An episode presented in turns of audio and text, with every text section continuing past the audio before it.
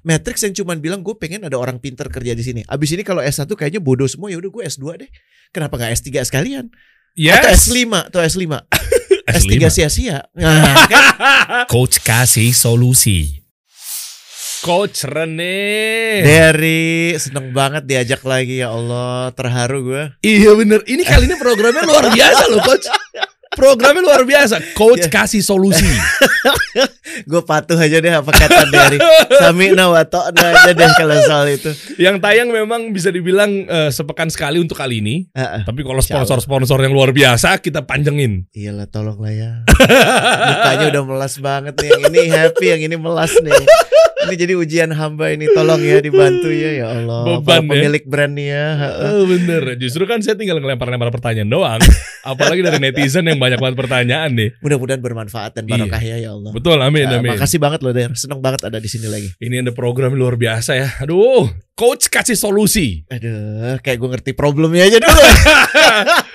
jadi jadi gini coach, gue mungkin mewakili teman-teman CEO Siap. yang pengen bangun startup karena memang sekarang kan kondisinya kan ya ini juga kasih solusi startup Mm-mm. mulai perusahaan apa segala macam. Mm-mm. Banyak teman-teman yang memang di C level atau CEO atau mungkin direktur utama namanya atau apa pun itu di jajaran direksi Mm. menganggap ketika udah membangun sebuah perusahaan, habis itu yang dia pikirkan adalah hiring, Mm-mm. terus tiba-tiba dia punya tim yang dirasa-rasa timnya ini udah kayaknya udah kece banget nih. Mm-mm. Udah pilihannya udah G2, top chair nomor satu. Mm-mm. Taunya pas dijalanin, enggak juga, berantakan timnya. Enggak ya. Enggak lagi. Mm-mm. Jujur coach, berapa banyak gue ganti-ganti. Yang dirasain apa biasanya kalau lagi mulai interaksi sama orang, sama tim, kan biasanya pada saat perkenalan, Hmm, pas interview, dapat CV-nya sebelumnya, lu udah baca-baca, promising banget kan? CV Terus itu- ketemu orangnya, Eh, betul. iya kan? Eh, eh. Terus wah kayaknya menjanjikan juga. Eh. Tapi pas mulai kerja hari pertama 100%, hari kedua 50%, hari ketiga 30% gitu. Pekan depannya udah ya Allah kenapa gue pekerjakan dia gitu ya. Iya gak sih? Hey, Anda yang pernah ngirim ke saya CV ratusan, Anda kayaknya berbohong tau nggak? kayak mau ngomong gitu tau nggak, Coach? Gue tuh kayak pengen ngomong gitu, kayak Anda bohong tau nggak selama ini? Iya. Beda banget, CV itu manis banget, Coach. Iya. Makanya kadang gue mikir, kayaknya kayaknya ada kalanya kenapa sih eh, emang harus CV ya? Kok apa ya? Kurikulum vitae itu kan istilah untuk gimana lo bisa dikenali. Iya, kan? Cuman akhirnya yang sekarang jadi pendekatannya template. Iya. Karena satu orang dapat kerja pakai CV dia, Heeh. gue pinjem CV lo ya. Terus gue ganti namanya, Aduh. tinggal diganti-ganti. Jadi tidak tidak menghidupkan CV itu. Ini tentunya dua arah ya. Iya. Maksudnya eh, kecocokan kerja itu kan bukan bagaimana bos eh, menakar, merasa cocok dengan orang-orang yang dipekerjakan, Heeh. tapi juga sebaliknya. Kenapa sih orang itu bekerja? Jangan-jangan dia bekerja cuman ya apa pun itu lo suruh gue bikin kopi, gue bikin kopi. Lo suruh gue jongkok, gue jongkok. apa pun itu yang penting bayar gue. Tentu akan berbeda sama sekali dengan orang yang bekerja udah punya clarity kasih solusi itu punya misi apa sih? Dan gue mempunyai irisan dengan misinya kasih solusi. Oke. Beda banget. Eh, Beda. Beda banget. Yang Oke. satu itu menunggu diperintah Mm-mm. dan pada saat diperintah pun mungkin kalau bisa seminimal mungkin dijalankannya seminimal mungkin Yang penting gue digaji. yang penting gue digaji kalau lo nyuruh gue misalnya beli aqua gitu ya eh. ya udah gue cari tempat yang paling deket Ih, nggak salah juga sih atau malah mungkin sebaliknya gue cari tempat yang lebih jauh supaya gue bisa lebih relax relax jalan leha-leha lebih Kayaknya jauh, yang gitu kan. kedua deh. iya kan Karena dia jarang banget, eh bukan jarang, kadang nggak kantor kok mana nih? Taunya jadi refleksi ini Ah. harusnya dijadikan yang yang harusnya dijadikan bahan refleksi itu buat para ya elunya, para CEO-nya Oke. dalam kemudian menakar diri dan orang lain. Jangan-jangan gue belum menyampaikan ke orang gue ini siapa, organisasi ini untuk apa didirikan. Ah. Jangan-jangan gue cuman ya udah lo mau kerja di sini gue bayar. Hmm. Gue asal maaf ya bahasanya ya dari ya nggak sopan banget. Monyet kan bisa dibayar lebih murah ya. ya asal dia bisa ngerjain, gue bayar. topeng monyet. Tapi itu. kan nggak bisa, Eh, nggak bisa. eh. Lo kan dulu punya radio kan? punya radio. Ingat banget gimana kemudian pas lo masuk itu lo udah diuji coba sebenarnya. Lo nggak daftar kerja, duitnya biasa aja, gue tahu kok. Bener kan?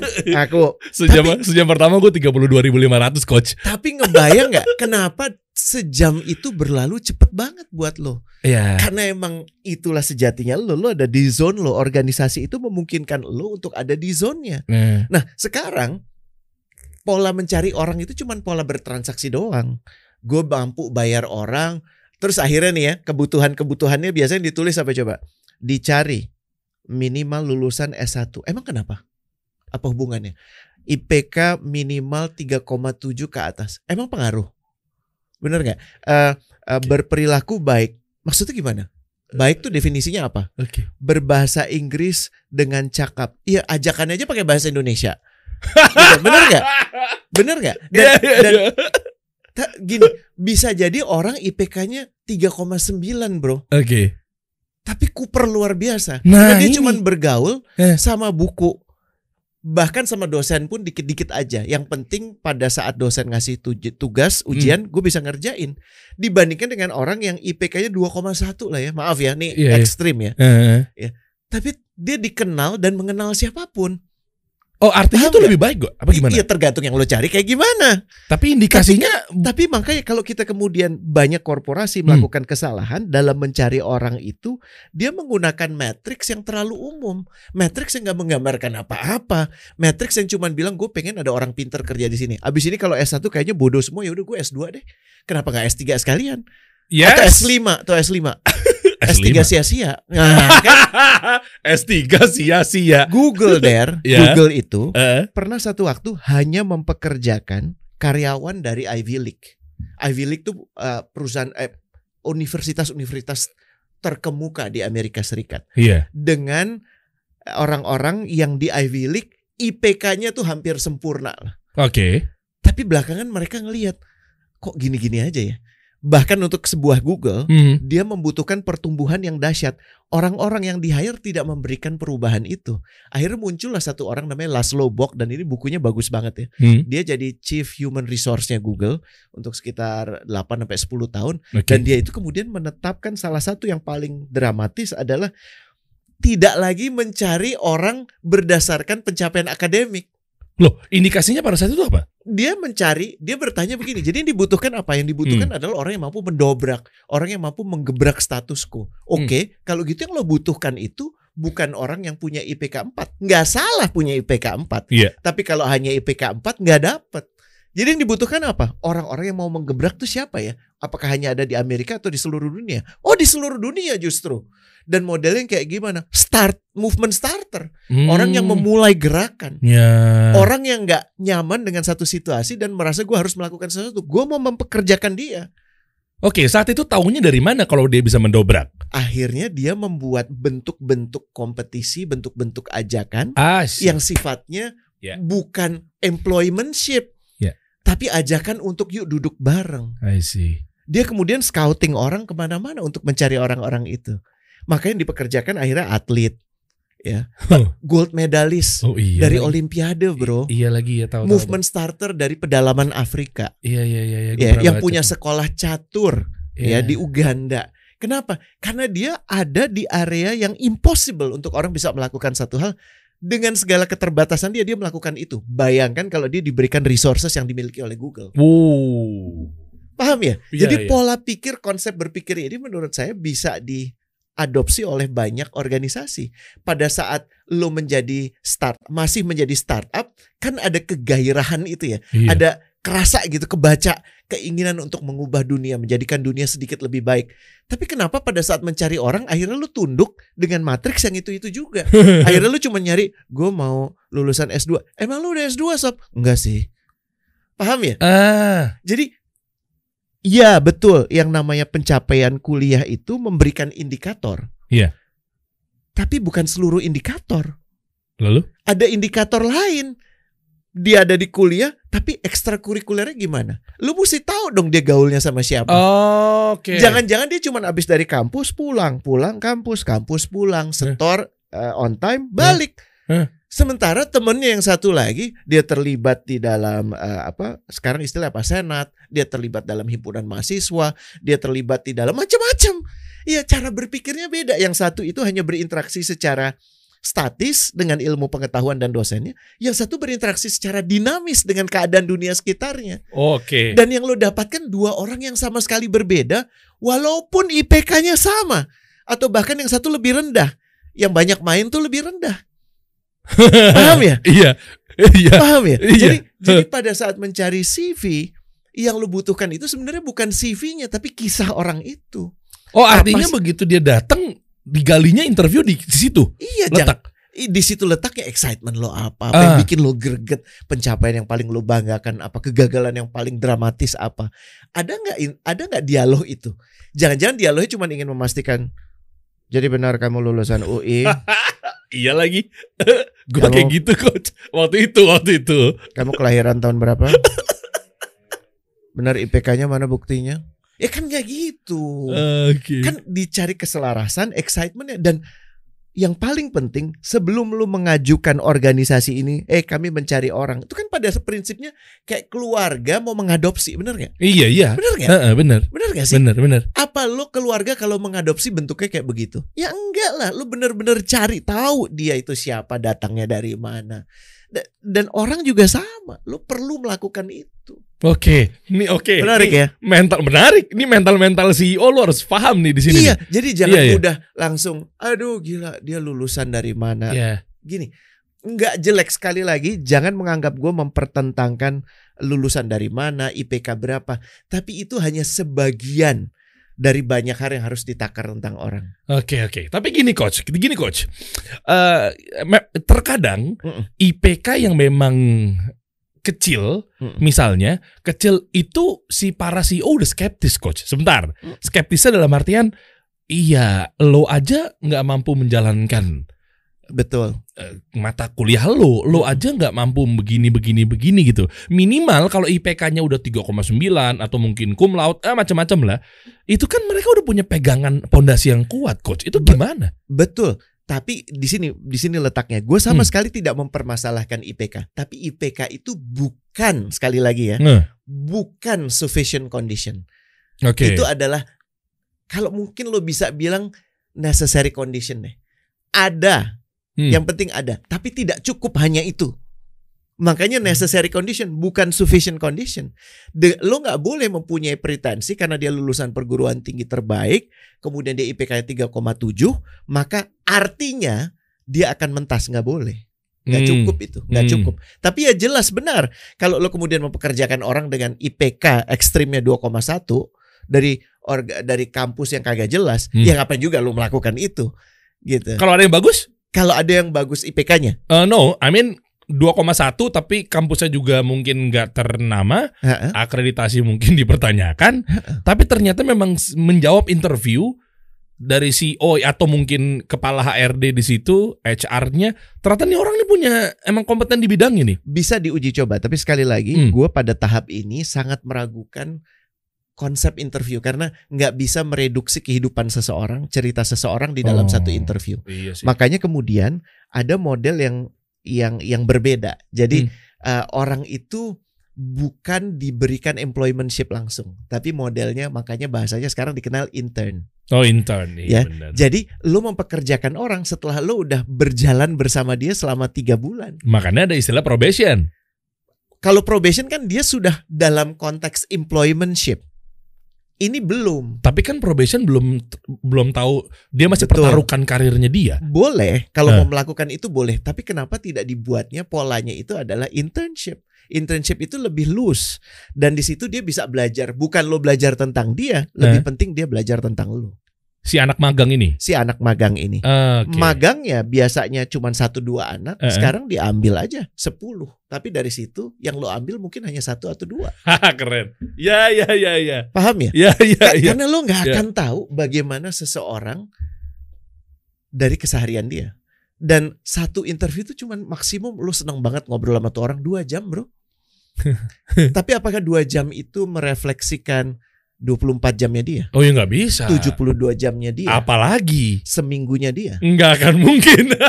betul ya? iya. Jadi salah satu cara yang bisa diangkat adalah itu dan ini miskonsepsi besar di apa di dunia manajemen bahwa saya cukup mereduksi hanya melihat paper background. Saya cukup hanya melihat dari interview saja. Nggak Hmm. cukup, nggak cukup, nggak cukup. Wah ini ini ini, ini masukan banget nih, Betul. terutama buat gue ya guys dan lo yang merasa pem- pemilik perusahaan apa segala macam. Gara-gara gini soalnya biasanya ketemu-ketemu orang seperti ini ya itu tadi sesuai dengan yang kalimat gue diomongkan di awal coach, yaitu Exactly. tentang iya ternyata gue rasa bagus nih orang nih begini-begini ancur tim.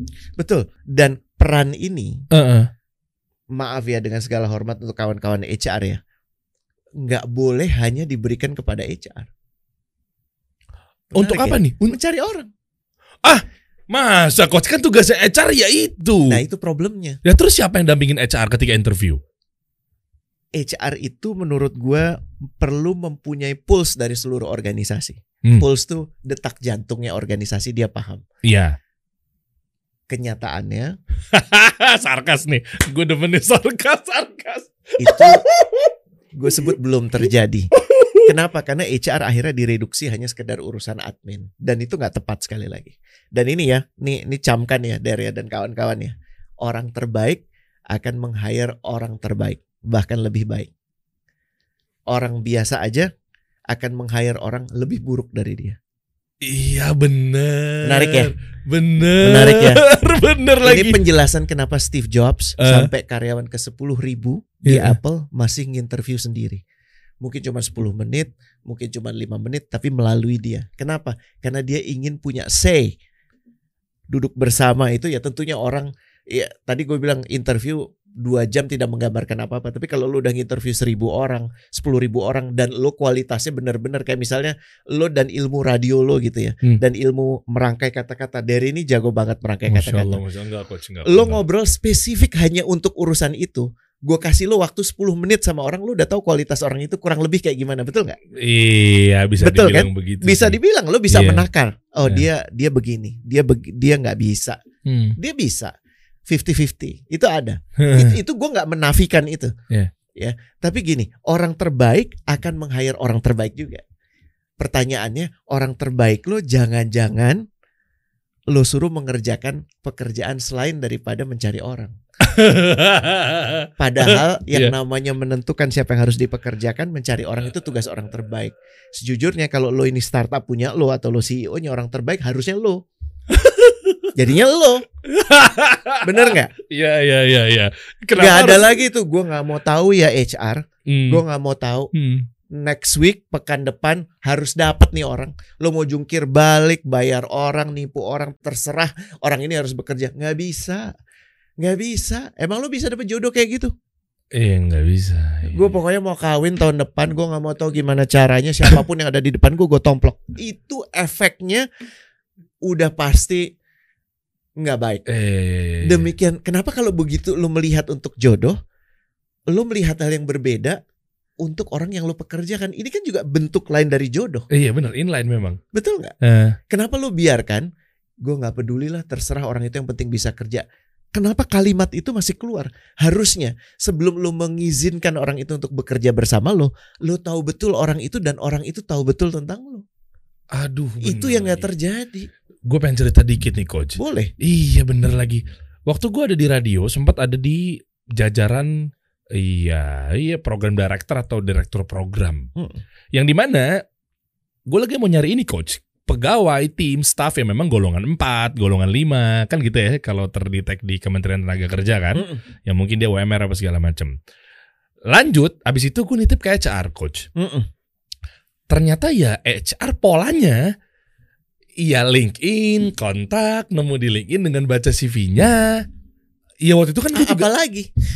Iya apa apa sih Apalagi? Sejujurnya iya apalagi memang Bener nggak? Tapi Iya. bayangkan kalau kemudian lu ngomongnya tuh begini. Organisasi ini mencari anggota keluarga baru. Kami adalah organisasi yang memperjuangkan apa pun itu ya, misalnya renewable, merasa bahwa 11% kontribusi renewable energy untuk republik ini itu sama sekali unacceptable, tidak bisa diterima. Dan kami memperjuangkan paling tidak setiap tahun angka itu meningkat bahwa Indonesia akan mengandalkan energi murni dari sang pencipta. Bukan energi yang akan mengotori. Kami mencari orang-orang untuk menjadi bagian dari perjuangan ini. Beda nggak sih pitch-nya Oh beda. dibandingkan dengan yang uh, perusahaan ABC mencari karyawan golongan 3 uh, dengan sta- spesifikasi ABC. Dry, kering. Orang yang kerja yang di kedua, iya gue kirim CV aja deh. Syukur-syukur gue diterima. Yang di pertama, dia mencari orang yang mau susah. Dia cari orang yang emang bener-bener melihat organisasi itu bagian dari jihad dia. Wah. Bagian dari perjuangan dia. Sebelum lo khawatir gue menyebut kata-kata jihad ya. Iya. Perjuangan besar dia. Iya, tapi memang itu Tuhannya dia juga nafkah Betul. kan. Hmm. Betul. Kenapa kok kita ngelihat organisasi itu cuman sekering eh, mencari untung, mendatangkan laba. Itu kering banget gitu. Jadi kalau kalau gitu adanya lu sama nggak adanya lu sama aja dong. Kenapa? Karena lu cuma cari untung, sama lu cuma cari eh, duit. Salah nggak? Enggak. Itu natural aja. Tapi masih ingat dialog kita yang sebelumnya ya kawan-kawan juga bisa lihat ke percakapan kita sebelumnya. iya. Orang yang hanya bisa menggunakan uang sebagai argumen nggak akan mempunyai kosakata perhatian eh, kerempongan untuk hal-hal yang lebih tinggi. Nggak ada. Terkonsentrasi cuma di urusan duit. Sebagaimana orang kalau fokusnya cuma mendapatkan eh, pengakuan dari orang lain, ya cuma dialognya cuma berhenti di situ. Nggak ada lagi keinginan untuk jadi lebih baik. Nggak ada lagi untuk memperjuangkan kebenaran. Nggak ada. Nggak ada. Tugas lo adalah bukan memilah mana yang IPK-nya 3,7 dan dan 3,5 atau 2,7 atau 2,1 bukan itu.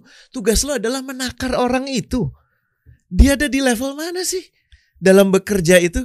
Dan itu bisa dipilih atau yang menentukan adalah pemilik perusahaan tersebut kan harusnya. Pemilik perusahaan bisa merasakan itu tentunya lebih det- lebih lebih nyata dia merasakan itu. Ah. Dan orang-orang terpilih yang sudah menjadi sudah terbukti menjadi orang-orang terbaik gitu. Orang-orang terbaik bukan karena dia uh, KPI-nya match semua, bukan, tapi karena dia punya belief. Tahu ya belief, belief iya. keyakinan. Iya, iya. Ke- Kenapa sih lo bikin kasih solusi der? Iseng. Enggak ya dong. kalau iseng enggak yang dong. lain boleh dong. Enggak.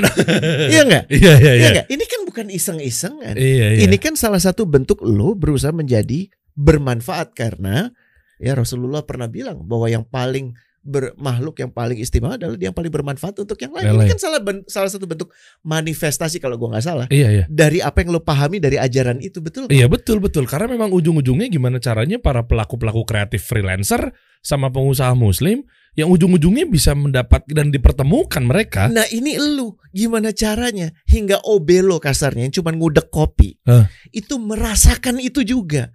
Gue ini bukan bekerja di PT yang namanya kasih solusi saja supaya gue bisa dapat iuran akhir bulan, imbalan akhir bulan. Hmm, hmm. Gue ini mendukung Pak Dery dan kawan-kawan satu upaya untuk memberdayakan kawan-kawan di luar sana. Nah itu narasinya gimana tuh coach? Iya, lo menyampaikan ini sebagai sebuah gerakan, bukan tawaran kerja. Gerakan Mo- kasih movement. solusi itu adalah Ya. gerakan. ya, ya, Gerakan ya. memberdayakan anak-anak kreatif Indonesia untuk bekerja sesuai dengan jalur yang diridhoi Allah. Dan kalau lu udah menggunakan kata-kata itu, Ya. apa ada orang yang cuma cari duit mau masuk? Ya mungkin ada, tapi lebih sedikit. Dia akan bilang gini, ah repot. Ya kita disuruh berjuang dulu. Ya emang jelas nggak nyambung di lo. Iya, iya, Dan iya. artinya apa? Daripada lu terima seribu CV, ya artinya kalau satu menit satu CV, Hmm. lu harus mengalokasikan seribu menit man minimal. Iya. Dan ada breaknya ya, mungkin 2000 menit gitu ya. Aha. Bayangkan kalau lu kemudian cuma teri- terima 5 CV, tapi lima limanya ini yang benar-benar meyakini kenapa sih organisasi lo itu ada. Oh mendingan mendingan yang itu dong. Mendingan yang lima kan? Iyalah, Iya nggak? Atau iyalah. bahkan cuma satu. Iya lebih fokus. Kenapa? Karena Pak Dery, saya mendaftar karena saya meyakini yang Bapak perjuangkan. Saya juga percaya akan itu. Itu yang disebut sebagai just cause there. Just cause. Lu punya purpose, Oke. tapi purpose itu lu tuliskan dalam bentuk just cause. Kalau purpose itu pribadi, pengalaman pribadi. Hmm, hmm. Lu pernah kerja di radio sebelumnya, lu mengalami masa kecil seperti apa. Hmm. Tapi bagaimana dari purpose itu kemudian lu jadikan kemarahan yang yang yang khidmat, kemarahan yang suci. Merasa bahwa ada hal yang harus dilakukan dan belum dilakukan, gue yang akan melakukan itu. Dan ini yang dikomunikasikan ke orang. Lu kok pinter banget sih coach? Kan ini serius. ke- kesannya aja sih. Ini bener. Bener ya? Bener, relate semua. Bener kan? Lu lu nonton pasti lu sepakat deh kalau lu paham mengenai eh, hal ini dan lu punya perusahaan pasti inline banget. Tapi problemnya saat saat nilai-nilai idealisme itu udah lo miliki, Nah. pas lo menjalankan udah ketemu sama investor, akhirnya mulai luruh. Akhirnya nggak bisa nggak lo ngitung-ngitung duit. Akhirnya lo mencari shortcut gimana supaya ada revenue lebih, supaya profitnya gede, supaya lo bisa mempertanggungjawabkan ke investor supaya investor baru lagi masuk. Akhirnya idealisme itu udah nggak ada. Dan akhirnya lu cuma nyari orang yang penting mau dibayar ngelakuin apa yang lu butuhkan. Bener nggak? Lu jangan bongkar WhatsApp gua ke lu Nah, dong kok. Nah ini, ini, ini Lu jangan, maksud gue. jangan bongkar cerita gua ketika gua ngobrol sama venture capital dong.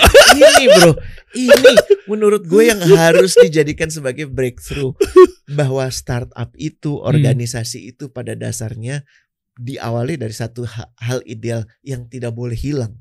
Luruh sedikit boleh, luntur-luntur dikit-dikit boleh, tapi tidak boleh terlalu banyak. Kenapa? Karena ini yang akan menjadi hitungan abadi lo di yaumil akhir. Iya, iya, Ini kesusahan ini. Bagaimana lu tidak mau sekedar melego keyakinan lu untuk dapat duit di sini, Di sini juga sini. yang kita obrolin di Gandaria City. di sini. Dia Oke. akan ngomong gini, Oke. iya kan? Dia, dia Eh. akan ngomong, Der, eh, gini ya Der ya, gue tahu lo bagus, tapi kayaknya bakal lebih bagus kalau lo terima perusahaan bir ya Der untuk Wah. nyeponsorin ini. Ya, Dan ya. akhirnya lo bilang, ya awalnya sih sulit ya. Tapi sekarang kan kita butuh uang ya. Hmm, Ya sudahlah. Nanti saya tobat habis itu. Ya nggak bisa. bisa. Value itu tidak untuk ditransaksikan. Iya. Bisnis bertransaksi boleh. Oke. Value nggak boleh Nggak bisa, ditransaksikan. mantep. Inilah akibatnya ketika Coach Rene banyak ngobrol sama para si level, banyak ngobrol para direksi-direksi. Begini jadinya. Ini saya tuh banyak banget. Coba Masya kita lihat YouTube-nya. Masya Kita lihat YouTube-nya di limitless.co ya. Limitless.com. Tuh, lihat deh. Ini cocok banget nih. Maksudnya di sini kita akan kupas ya. Di sini kan banyak ada si level talk yang memang hari Kamis malam, Kamis malam betul. ya kan? Eh, Itu banyak der Pak Muhammad Syahrial itu yang tadi gue cerita. Dia Eh. mendirikan Tamaris. Tamaris itu perusahaan yang mengusung renewable. Ini orang der. Ini Ah. bekas bos gue dulu di BPPN. Oke. Dia ditawarin untuk jadi bosnya PLN pernah, ditawarin untuk ikut ke industri batu bara yang duitnya itu nggak ada ujungnya Hmm. pernah. Oke. Terus dia waktu ditawarin itu dia pilih terbang dulu deh ke sana, Oke. ke site-nya. Nah, terus Pulang dia nangis, kenapa? hancur. Ekosistemnya hancur. Masa iya coach? Revenue aman, revenue eh, belum lah. Nah, makanya artinya apa? Dia menginvestigasi tawaran itu. Dia pergi ke area dan yang lihat bagaimana ekosistem itu hancur di mana ada area penambangan. Ya tentunya nanti katanya akan diperbaiki, tidak akan kembali dalam kondisi lebih baik. Sekarang sudah ada opsi yang namanya renewable.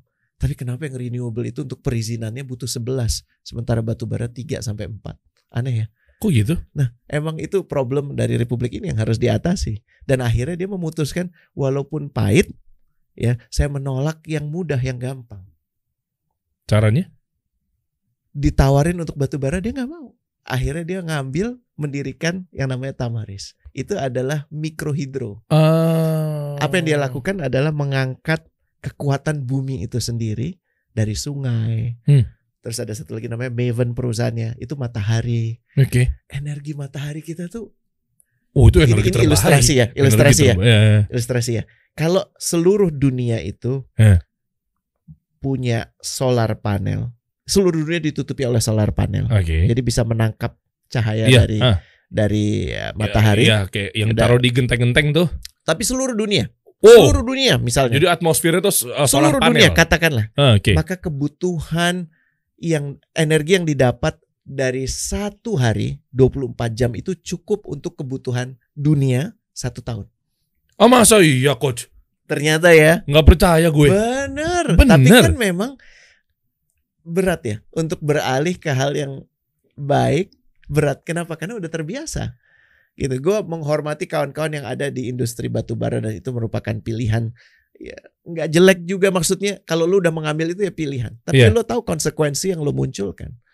Dan Pak Iyal ini Hah? secara sadar memilih untuk tidak mau ada di situ dan memilih untuk rempong ada di industri renewable.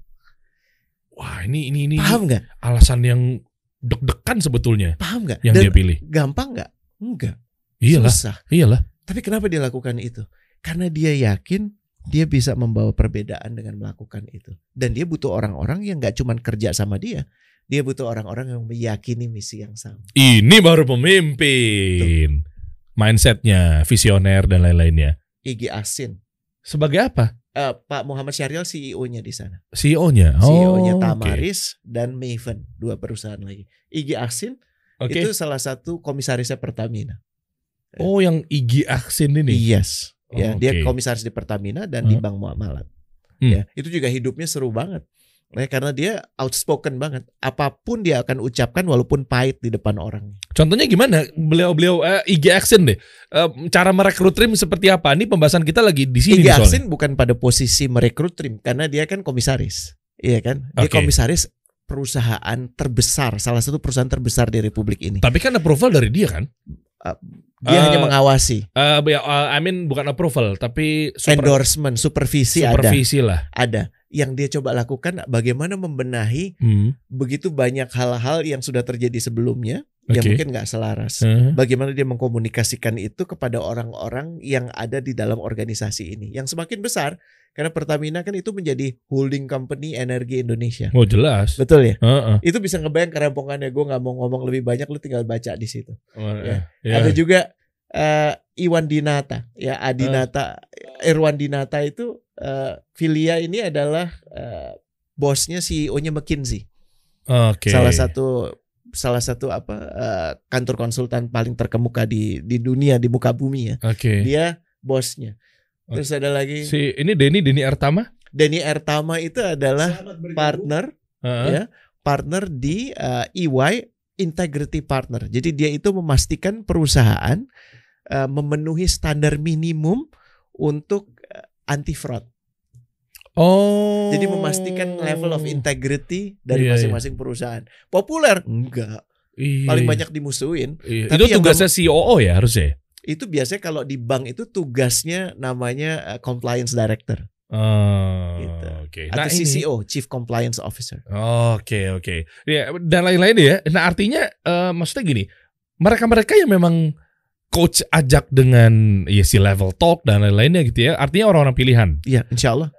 Oke. Nah, ya sebenarnya menarik sih. Siapa tahu bisa mereka duduk di sini apa Why segala not? macam. Kita ajak aja. Nah, ya kan? Kita bedah ya. Maksudnya Betul. sudut pandang kali ini Mungkin gimana kalau sih ada kawan-kawan yang ingin tahu ada topik apa yang Hmm. menarik ya, Mhm, mhm. nanti kami carikan narasumber selain saya yang relevan juga gitu. Eh, ya. Setuju Mungkin banget. tuh. kalau ada pertanyaan-pertanyaan spesifik tentang Eh. industri atau tentang apa pun yang terjadi Hmm. eh, ataupun tentang diri, Hmm. silahkan ajukan ya. Nah, Dan boleh. nanti kita carikan. Boleh, boleh. Coba teman-teman, ini kan ini, ini program yang memang ini weekly ya. Mm-mm. Insya mingguan Allah. ya khusus untuk coach Selama kasih masih solusi dipercaya dari Bismillah. percaya insya Allah insya Allah percaya Insya Allah. bener apalagi ada aqua di sini masa nggak percaya teman-temannya jadi pengen minum sih Hmm. Ya kan menyegarkan buka pikiran Bingits. fokus Bingits. lagi Penting itu. pengusaha butuh fokus tuh Betul. ya kan nah, nah artinya gini banyak juga orang-orang kalau pengen nanya nih guys lu pengen pengen apa ya pengen nyalurkan keresahan lu coba ditulis di kolom komen Ya. Nanti di setiap minggunya tayangan coach kasih solusi ini akan kita bacakan di layar Lalu diberikan. Insya Allah kami bantu. Mm-mm. Kalaupun saya nggak tahu jawabannya, saya akan jujur bilang gue nggak tahu bro, karena belum pernah tahu jawabannya. Heeh. Kita cari orang kira-kira gimana? Call friend jadi. Jadi jadi coach punya hak untuk call friend. Tantowi Yahya kali ah. Daripada gue ngaco, gue gue coba coba jawab nggak taunya salah, kasihan kan? Iya, ya, tapi kan sesuai dengan tema. Kalau sesuai dengan tema yang kayak gini kayaknya kayaknya lu tahu semua deh coach. Insya Allah. Insya Allah. Jangan jangan jangan jangan. jangan. itu nggak boleh, itu nggak Iya, boleh. iya. Banyak yang gue nggak Iya, tahu. iya. Nah, oke. Akhirnya eh, gini deh. Sebenarnya ini ada butuh pembahasan khusus sih mengenai menarik ya. Nanti juga kita bahas deh. Tapi nggak mau panjang-panjang di sini takutnya bias. Mm-mm. Apa itu?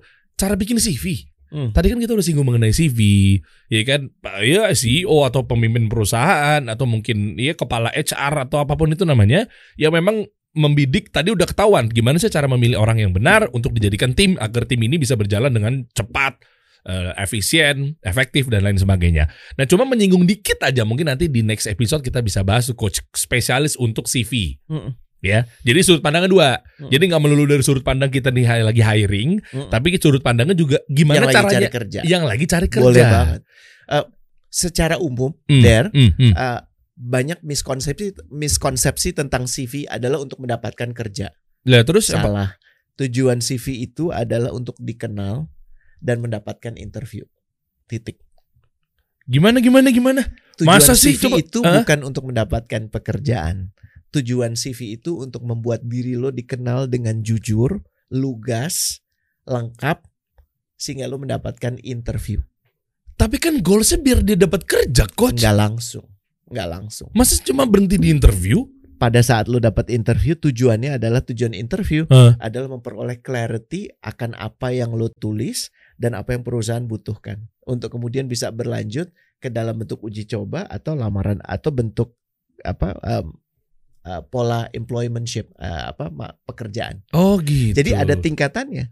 Kenapa CV itu berbahaya sekali kalau dijadikan satu-satunya alat untuk kemudian lo ditawari pekerjaan? salah tuh. Salah, karena banyak ya banyak yang melakukan itu. Hah? Ya, ya kirim CV-nya ya udah nanti eh, Bapak akan dihubungi ya. Hah. Ya, ini sebenarnya lu sudah diputuskan untuk menjadi untuk menduduki satu posisi.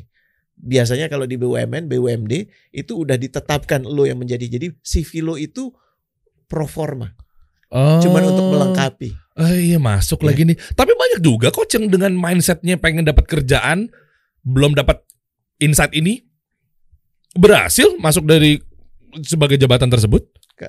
Kebetulan. Dan maaf ya, ini kalau saya tahu ya, Iya ya. Gue rasa yang model seperti itu 9 dari 10 nggak akan langgeng, Ini gue setuju. nggak akan langgeng, Iya iya iya iya iya. Iya. nggak akan langgeng. Gue sering dapat orang kayak gini soalnya. Kenapa? Karena nggak cukup waktu untuk mengenal dan dikenal. Oke, mundur dikit, dapat gue. Tenang, tenang guys, gue bantuin nih guys. Hmm. Ya, mungkin gue agak sedikit lemot kadang. gue baru dapat di ujungnya nih. Jadi tadi di ujungnya bilang butuh dikenal apa segala macam Dan makan dikenal. dan, Dan, dikenal. mengenal, Dan- mengenal dan dikenal. Mengenal- Harus dua-duanya Ya, berjalan. ya. oke oke oke, mengenal dan dikenal. Ya. Makanya tadi tujuannya CV ke situ kan. Setelah lo masuk interview baru lo ada punya jenjang berikutnya lagi. Purpose-nya harus jelas. Oh, Makanya oke. perusahaan ini gue ngomong buat perusahaan dulu ya Der ya. Iya, iya. Saat mencari orang jangan mencari CV. Tapi Mencari orang, mencari orang yang seperti apa didefinisikan. berarti narasinya narasinya ditulisnya harus jelas tuh. Iya, narasi sebagai gerakan. Narasi tentang apa yang lo perjuangkan. Bukan ini adalah perusahaan bereputasi global dan segala macam. Gak ada. Gini, matters gak sih? Iya sedikit lah. Buat pride lo, buat prestis lo, boleh. Tapi lebih dari itu matters gak buat orang yang nyari kerja? Iya, Enggak. enggak sih. Apa sih yang lo butuhkan? Sampaikan dengan lugas. Pekerjaan ini kira pahit-pahitnya aja dulu. Lo akan melalui satu mod, satu bentuk pekerjaan di mana lo harus ngomong dengan 80 orang setiap hari melalui telepon. Dan 90% lo akan ditolak, ditutup teleponnya gitu ya. Dan keseharian itu disampaikan secara terbuka. Iya, tapi ntar perusahaan kagak ada yang mau coach kalau begitu. Ingat ya, Orang-orangnya. nah itu kan asumsi kita. Kalau kita nulis yang susah-susah, Hah? nanti nggak ada yang mau. Heeh. Oh, enggak, kan gini, buat gue akuntansi itu painful banget men. ya, gue pernah ada duduk ya, eh, Setuju. dosennya di depan gue men. Males banget. Ya, dosennya tuh "B- Rene, Rene. Rene masih bangun. Eh, gue gue gue gitu, gue ikut itu karena salah satu dari kelas yang nggak boleh dilewatin. Gue nggak nggak ambil jurusan akuntansi, tapi gue harus melewati satu proses di mana gue ikutan kelas akuntansi. Dan gue bawaannya ya maunya itu dapat pengen tidur. Ya itu tidur tidur gue terbaik pas kuliah tuh didapat di kelas akuntansi. Dan gue merasa asumsi gue pada saat gue ngomong tentang akuntansi semua orang juga sama. Enggak ternyata ada orang yang demen banget sama akuntansi. Iya, Yang buat dia itu keistimewaan untuk bisa melihat angka, Wow. bisa menyeimbangkan angka. Ah, Sekarang istimewa sekali tuh. kenapa pada saat gue bilang lo akan bicara dengan 80 orang yang lo nggak kenal untuk menawarkan satu hal, Hah? buat lo emang nggak menarik. Tapi buat beberapa orang ih seru ya. Oh, Paham ya? Itu angle-nya. Iya, jadi Iya, kita ini iya, harus iya. sejujur mungkin dalam menyampaikan kira-kira dari pekerjaan yang akan diberikan ke orang ini Hmm. ngapain sih? ya, lo akan menghabiskan waktu tiga jam untuk mencoba menjelaskan apa yang sebelumnya lo lakukan dalam bentuk laporan yang deskriptif dan laporan itu nanti akan dibaca. Gitu. Itu kan tentunya memberikan satu nuansa tersendiri Iya. dibandingkan lo cuma tulis bikin laporan. Kan Oh, bikin oke. laporan kan a- ada Ya, yang cuma lima Iya. menit, Eh, ya kan? Ada yang bikin kayak perjalanan hidup gitu. eh, eh. Dan itu akan mengundang orang yang berbeda kan? Eh, jelas. Nah, semakin lo spesifik dalam menetapkan itu semakin baik. Dan melihat eh, memposisikan organisasi lo itu bukan lagi sebagai mencari orang, tapi mencari rekan dalam gerakan. ah keren. Ini buat perusahaan. ya. Oke, ini buat Ya. perusahaan nih catat nih. Buat perusahaan. Ya, oke. Ya udah udah lupakan soal lulus S1 atau enggak tanya lu lu bilang aja yang lu butuh tuh kayak gimana udah Oke, Ya. oke. Ini bentar nih coach, ini menarik nih, ini menarik nih. Tapi terkadang perusahaan juga gengsi. Mereka punya prestis. Mereka punya eh, istilahnya kalau sekarang pengen di privilege kan. Kan lagi naik tuh istilah privilege privilege gitu kan. Nah, mau nggak mau dia harus masa penawarannya kayak ecek-ecek, nggak ada istilah minimum eh, minimal berpengalaman 2 tahun di bidang yang sama. bahkan coba Eh, dicarinya minimal S1. Masa nggak ada begituan ya coach? nggak nggak perlu karena prestis itu eh mungkin menyenangkan terdengarnya ya Iya dong. tapi di ujungnya akan lebih menyulitkan dan akan menyesatkan yang paling berbahaya bahkan yang paling menarik ya Iya lagi. beberapa organisasi itu nulisnya gini kami tidak butuh ijazah sarjana anda Hah? Keren.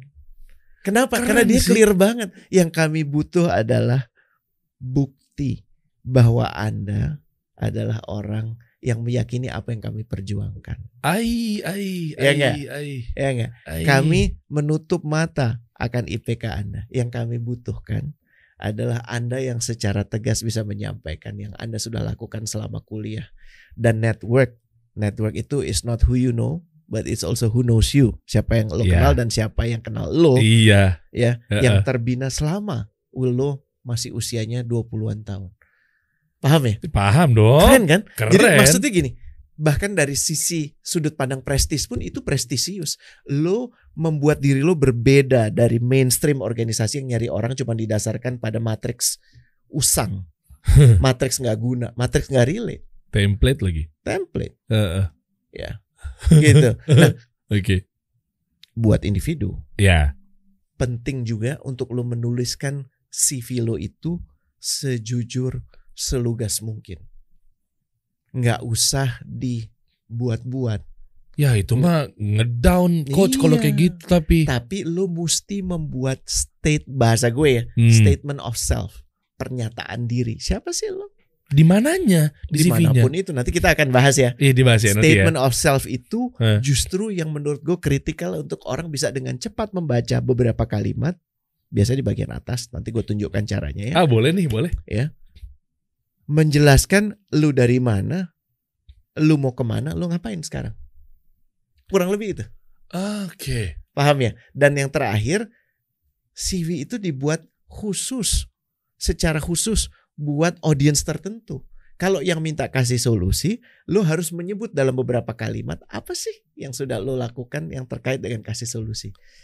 Tapi catatan ini butuh direspon oleh kasih solusi juga. Kasih solusinya mesti clear menyampaikan, Oke. individunya juga mesti clear. Oke. Jadi nyambung kayak orang salaman. Iya iya iya iya iya. ya. iya. Jadi nggak ada lagi tuh kebeli beli apa kucing dalam karung Heeh. gitu ya. Heeh, istilahnya. Kok janjinya begini, yang datang kayak begitu. nah itu udah nggak ada lagi. Oke, tahan Itu dulu. Simpelnya kayak gitu ya. Tahan dulu. Heeh. Ini ini kita bahas mengenai CV ini biar nanti next lebih fokus nih. Boleh. Jadi buat teman-teman guys, ini udah bikin melek ya. Coba deh untuk awal episode di coach kasih solusi ya. Ini tahan dulu ya. Ini ini, ini banyak banget sih permintaannya, Hmm. masya Allah. Tulis di kolom komen kira-kira apa keresahan lo dan apa yang pengen lo tanyakan kepada coach Rene di coach kasih solusi. Masya Allah. Nanti coach insya Allah akan kasih solusi. Bismillah. Gua tunggu ya. Coach kasih solusi.